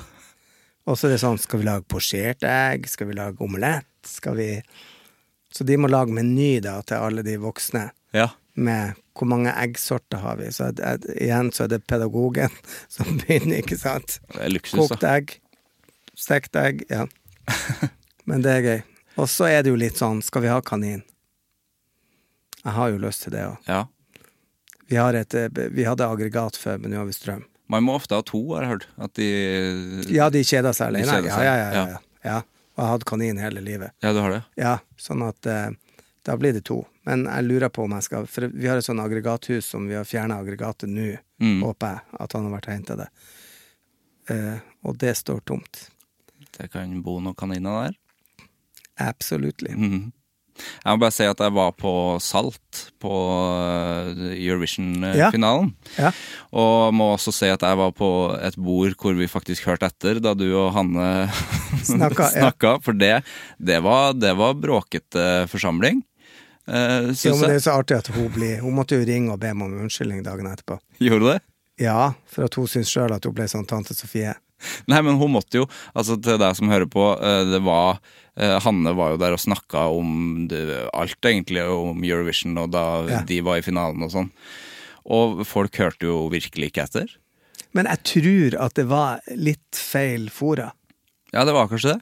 Ja, Men jeg, jeg skjønte jo ikke, fordi folk har jo betalt liksom billett, Ja, og det var. Eurovision-fest, Ja. og Hanne Krogh står der og snakker altså masse gøye fun facts og sånn. Men tror du ikke det var mange der som var litt for unge?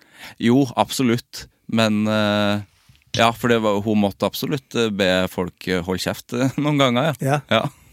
Og det er sånn, det bryr jo ikke jeg meg om. Jeg bare, jeg bare tenker at det, det er jo ikke noe du får gjort noe med. Altså, da må det jo være noen i organisasjonen som gjør det. Ja, det er akkurat det. Ja, For det var at jo stappfullt av folk i Ja. teltet der. Ja, så det ble jo helt vilt. Uh, Ja, veldig gøy kveld. da. ja, men det var, og det er jo artig med Altså, det er jo noe med det med Eurovision, og når du har vært med i Eurovision, så kommer du aldri ut av det. Nei. Og det, jeg tror, hvis jeg hadde visst det, han som kom og spurte meg i kantina i 19, nei, 2007 om jeg kunne tenke meg til å jobbe med Eurovision nei, Eller han sa 'du har vel ikke lyst til å jobbe med Eurovision'? Å ja. La det fram sånn, ja. Ja, Og så sier jo jeg 'det kan jo ikke du bestemme'. Nei. Og så tenkte jeg 'hva i faen er det jeg sa ja til nå'? og så var jeg med første året, ikke sant? så fikk jeg skylda for at uh, Guri Skanke ikke gikk videre Ja. i, i norsk media av ymse personer. Og så tenkte jeg bare som så at eh, det gidder jeg ikke. Så jeg sa at jeg tar over. Så jeg gikk til hun som var sjef da i underholdning, Tordis Aavassmark, og så sa jeg jeg tar over. Og så sier hun hva du mener. Og så ser jeg at hun ser på meg sånn du, din lille same. og, så, og så sier hun eh, det er greit. Og så sa jeg hvor mange år gir du meg på å skaffe en vinner? Tre. Tre år. Ja, og da fikk vi femteplass med Maria Haukås Mittet, Ja. Og så vant Rybak året etterpå, så jeg tok det på to. Du gjorde det. Og da ble jeg jo da på forsida av For Him Magazine. Det er hans feil at vi mista fotball-EM. Og så, og så eh, Og så ble jeg innkalt til eh, Arne Skeie. Ja. At du får faen ikke lov å gjøre jobben din. Og så, og så eh, sa også at vi har ikke råd til det. Altså, det er jo så dyrt at det er jo helt sjukt. Det er jo det Sverige sitter og biter tenner for nå. ikke sant? Bit tenner, bit negler, ja. For at det er så dyrt. Så eh, Nei, det var en helt uh, syk opplevelse. Jeg skal lage en uh, De holder på å lage en folkemusikkdokumentar nå uh, om folkemusikken i Norge, ikke sant, og hvor det kommer ifra. Og, og den, hele den oppbygginga, hele Fairytale og Rybak og sånn, er jo noe som jeg og produsenten og Rybak gjorde sammen. Ja. For det var en ballade. ja. Det har jeg hørt, ja. Ja. Og så eh, eh, Så har jeg i mitt stille indre tenkt at jeg spiller jo faen i tullen til dem. Ja. Eh, og sa dette er hooket. Og du skal ha med deg fiolin på scenen. For en femåring må kunne si til mora jeg vil, jeg vil at du skal bestemme på han. Og så eh, kommer jeg til Og Så spør de de her programmet, for Rybak bor jo i LA, om eh, hva jeg tenkte om å gjøre sånn intervju. Jo, jo. Men da drar vi til produsenten For da, jeg elsker sånne henne, eh, eh, rockeprogrammer, ikke sant, hvor du hører tracksene fra Ja, ja. Hvor de drar opp spaker og sånn. Og så ringte jeg til han produsenten først, og så sier jeg du, men du husker at jeg spiller Faneturen til dere? Og sier han nei, det husker jeg ikke. Han, og ikke det at han sa at jeg løy, men jeg husker ikke det. Jo, det er jo hooket. Altså du-du-lu. Ikke sant? Det var jeg hooket. Mm. Og så sier han nei, det, vet du, det husker jeg ikke. Så kom vi dit i studio, så hadde han funnet det. Mm. Det var spilt inn Ja. av Rybak. Faneturen. Men så kom han tilbake med da, det, det som ble hooket. Ja. Så det er liksom sånn Det var jo utrolig artig å, å være med på. Og den reisa, ikke sant, at jeg bare visste det. Jeg kjente på Altså, Maria hadde jo den beste låten det året før. Mm. Eh, men var kanskje kjedeligst i in show. Altså, Russland vant for at de hadde med seg en skøyteløper på scenen. Ja. Ikke sant? og vi hadde så vidt råd til å ha med Altså, Ukraina ble nummer to, ikke sant, med Og jeg var jo, da er jeg veldig nysgjerrig, så jeg springer rundt og spør Hva det er slags kjole? Nei, det er Cavalli. Å ja, til 600 000. Og vi hadde to for 150 kroner fra Vivikes til Maria. Og koret. ja. Altså sånn, det var en eller annen sånn For det var så viktig for Øst-Europa. Men jeg tror ikke at en god idé trenger å være så dyr. Nei. Sånn at uh, vi bare Jeg ble bare sånn nysgjerrig på alt, og så spurte jeg hvor er de danserne fra. ikke sant? Nei, han er ukrainsk, og han er fra, fra Sverige, og han er fra Hviterussland. Så sier jeg hvor dere funnet dem? Nei, på So You Think You Can Dance og uh, Norske Talenter. Ja. Så jeg går hjem og setter meg og ser, og så duk- dukka jo Frikar opp. Ja, ikke sant. Og, så jeg hadde jo dem før jeg hadde Rybak. Og da når vi hadde en ballade, så jeg de skal jo ikke stå i ro. Nei. Sånn, ikke sant? For at jeg ville ha den der folkemusikk, folkedans, som er blanda med akrobatikk, og, og, for det var det som slo oss når hun Maria ble nummer fem. Mm. Så uten at vi skulle ha med han Bjørn Dæhlie på ski. så, men det er veldig interessante sånne mekanismer. Sånn at det var artig, det der med uh, mergers and acquisitions. Og du ser jo sånn som nå med Lorraine. Det er jo en plan. Det er jo noen som har tenkt. Absolutt. Ja, det er jo noen som uh, Altså, hun har jo prøvd seg to ganger før uten å ha kommet med. Mm. Men her er det jo samme gamle gjengen som eh, har peiling på hva de holder på med. Mm. Så eh, det tenkte jeg, det var Altså, det med showet er jo så genialt òg, ikke sant, at eh, Ja. Så er det jo det evige snakket om. Skal vi ha en jury, eller skal vi ikke ha det? Ja. Hvordan stiller du deg der? Nei, jeg syns jo at det er litt sånn dumt hvis Altså, det er jo Jeg syns det er dumt hvis de ødelegger, eh, sånn som for Finland i år, når det er 38 land som har Finland på førsteplass. Ja. Ingen hadde Lorraine av folkejuryen. Og så vet jeg jo sjøl hvordan de her juryene fungerer, og det er jo litt sånn ymse hvordan folk som er der. Mm. Men de, er, de vurderer jo på en helt annen måte enn de som sitter og ser på denne, dette programmet og skal bruke fem kroner. Mm.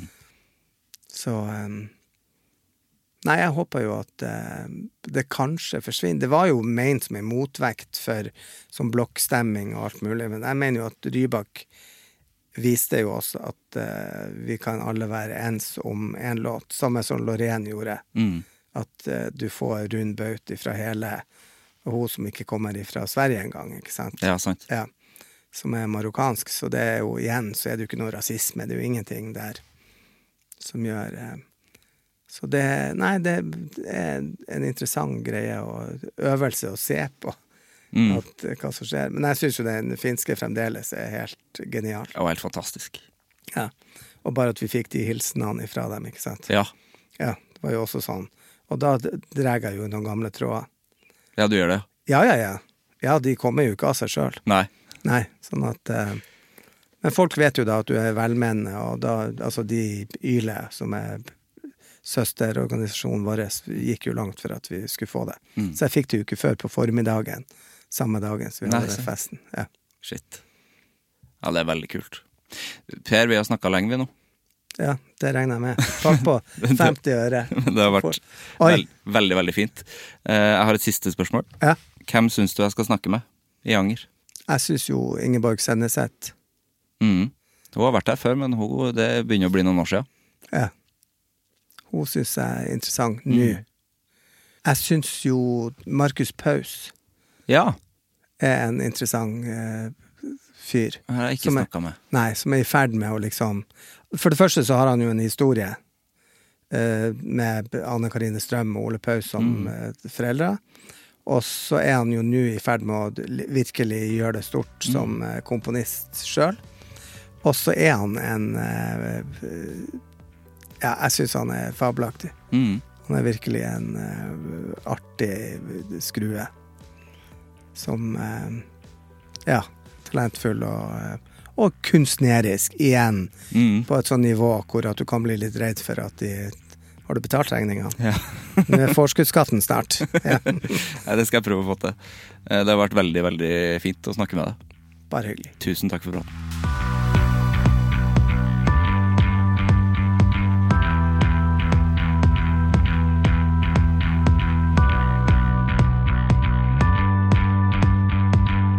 Det var Per og meg for en eh, utrolig fin eh, prat, og for en, for en fin fyr. Og, og, og det eh, Altså, all den praten om undervisning og den forkjærligheten han hadde for det, var helt fantastisk å se på han når han snakka om, om det å være lærer. Og det jeg sa til han òg, han virka som en helt nydelig lærer. Det var en sånn her en strenghet eh, med kjærlighet som jeg virkelig tror trengs. Jeg hadde virkelig hatt behov for en sånn lærer eh, da jeg var yngre. Eller egentlig nå òg, hvis jeg skal ha en lærer. Eh, nei, helt utrolig. Og det, er jo altså Bare det å høre om den Eurovision-reisa med Rybak og sånn, det er helt, helt fantastisk. Vi høres. Hei. Produsert av Klinge.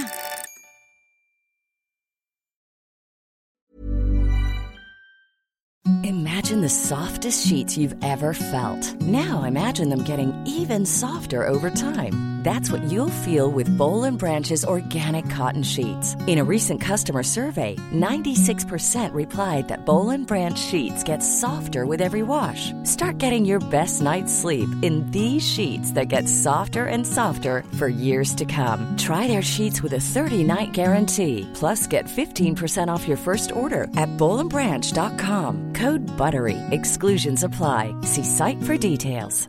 Even when we're on a budget, we still deserve nice things. Quince is a place to scoop up stunning high-end goods for 50 to 80% less than similar brands. They have buttery soft cashmere sweaters starting at $50, luxurious Italian leather bags, and so much more. Plus, Quince only works with factories that use safe, ethical, and responsible manufacturing. Get the high-end goods you'll love without the high price tag with Quince. Go to quince.com slash style for free shipping and 365-day returns.